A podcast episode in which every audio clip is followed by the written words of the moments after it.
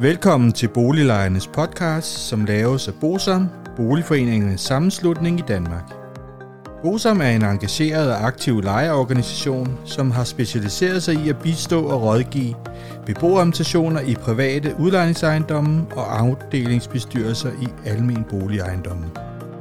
Formålet med Boliglejernes podcast er at informere lejerne om nogle af de problemstillinger, som vi ved, at mange lejere ofte spørger om samt at give mulighed for, at nogle aktuelle problemstillinger bliver belyst ud fra et lejerperspektiv. Boliglejernes podcast er lavet af lejere til lejere.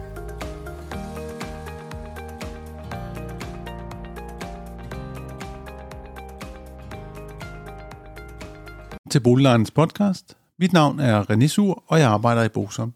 I dag skal vores podcast handle om de tre lejeniveauer. Og når vi snakker om de tre lejeniveauer inden for privat udlejning, så snakker vi om omkostningsbestemt leje, vi snakker om det lejes værdi og fri leje, også kaldet markedsleje. Man kan ovenikøbet sige, at når vi taler om omkostningsbestemt leje, så kan den faktisk også deles op i to, fordi af ejendommen, der er opført indtil 63, der bruger man 7% af den 15. almindelige vurdering fra 73, mens man har andre muligheder for at opgøre kapitalafkastet i de ejendomme, der er opført fra 64 til 91. Så reelt set er der fire niveauer, selvom vi plejer at kalde det tre niveauer. Hvis vi skal starte med det første niveau, det er omkostningsbestemt leje, også kaldet OMK-lejen. Og der går man faktisk ind og ser på, hvad er omkostningerne ved at drive en ejendom. Det vil sige, man ser på den rene undgåleje, og den opgør man typisk til 5-600 kroner per kvadratmeter per år. Dertil så skal der så lægges forskellige moderniseringer. Og de her moderniseringer, de er så beregnet ud for det renteniveau, som var på det tidspunkt, hvor moderniseringen blev udført. Det vil sige, at hvis der er kommet postkasser, som vi ser rigtig mange steder, så skal de tillægges. Hvis der er kommet nye vinduer, så skal det tillægges. Er der kommet nyt varmesystem, for eksempel fjernvarme, hvad vi ser i mange af de gamle ejendomme, fordi vi snakker jo altså om ejendommen før 63, så er der jo tillæg for fjernvarme. Så kan der være isolering, der kan være mange ting. Den omkostningsbestemte leje, eller budgetlejen, plus forbedringer. Og så er der så også afsætning til det, der hedder udvendig vedligeholdelse. Det er, hvad skal man sige, det laveste niveau. Og det ligger typisk på mellem 700 og 1200 kroner per kvadratmeter om året. Det betyder for en toværelses lejlighed, at lejen den ligger og svinger mellem 3.000 og 5.000 kroner for 50 kvadratmeter per måned, hvis vi skal lave det om til noget, som de fleste mennesker kan bestå. Derudover så kommer der jo så varme og el og den slags ting. Det næste niveau, vi har, det er det, der hedder det lejede værdi. Der går man ud og ser på, jamen hvad er værdien af det lejede?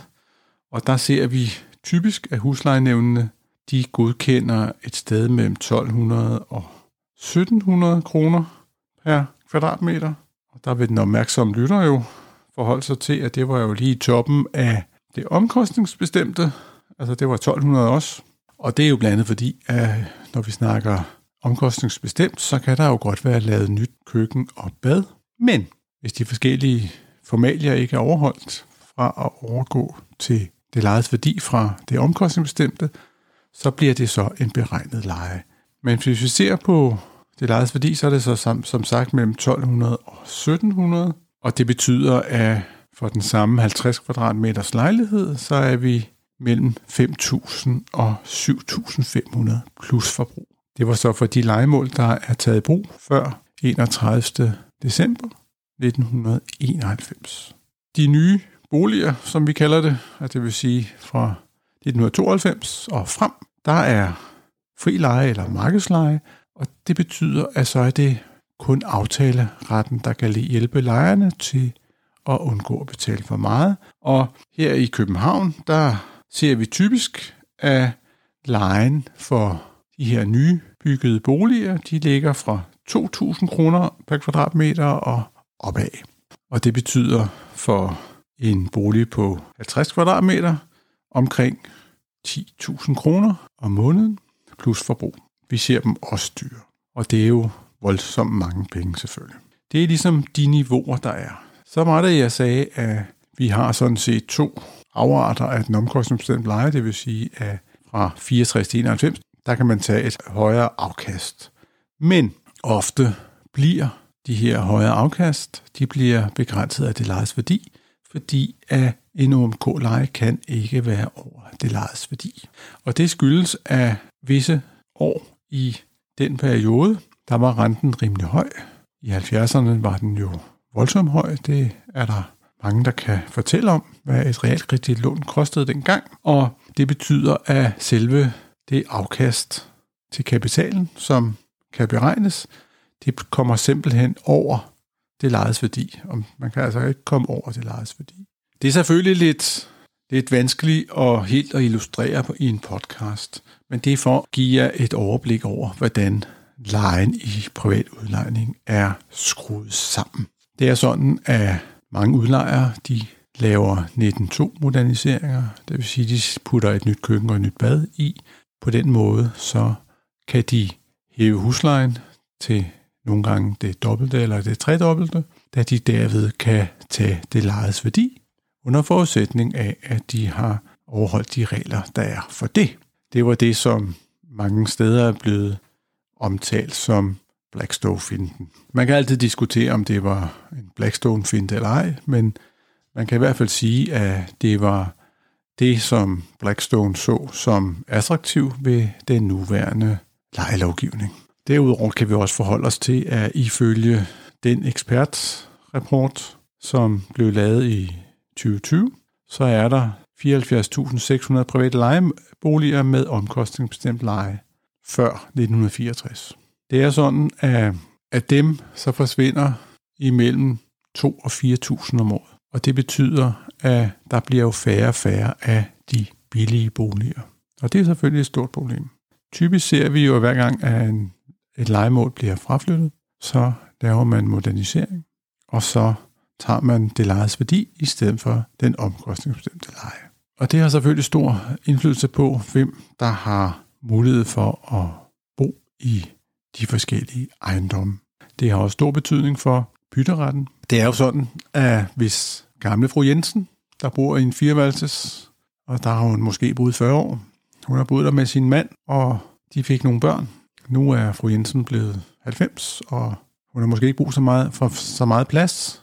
Det, der er problemet, det er, at hvis hun så bytter med børnefamilien, der bor i en toværelses, så vil hun komme til at sidde til en højere leje. Fordi når man bytter, så er det jo opsigelse af legemål, og der har udlejer mulighed for at lave de her moderniseringer, hvilket gør, at fru Jensen selvfølgelig ikke har mulighed for at flytte, selvom det vil være bedst for fru Jensen, og det vil være bedst for børnefamilien. Så man kan jo sige, at det, der jo skal til, hvis man skal have noget mobilitet, det er jo, at man skal lave en reel bytteret.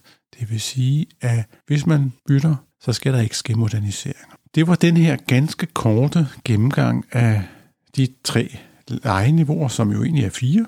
Jeg håber, at I forstod lidt af problematikkerne. I forstod lidt, at der er forskel afhængig af, hvornår ejendommene er fra. Der er også noget med størrelser og alt muligt andet. Problemet er, at det bliver hurtigt for kompliceret at komme ind på. Næste gang i den her lille serie, der er blevet til en lille serie omkring boligpolitik, der vil vi se på, hvordan reglerne har ændret sig op igennem tiden. Og indtil vi høres ved, så må I have det så godt derude. Hej hej. Hvis du synes om Boliglejernes podcast, vil vi blive rigtig glade, hvis du deler episoden med dine venner, og måske giver os en anmeldelse og nogle stjerner i iTunes, så vi derved kan komme ud til mange flere lyttere. Oplysningerne i denne podcast er udtryk for vores opfattelse af retsstillingen på nuværende tidspunkt.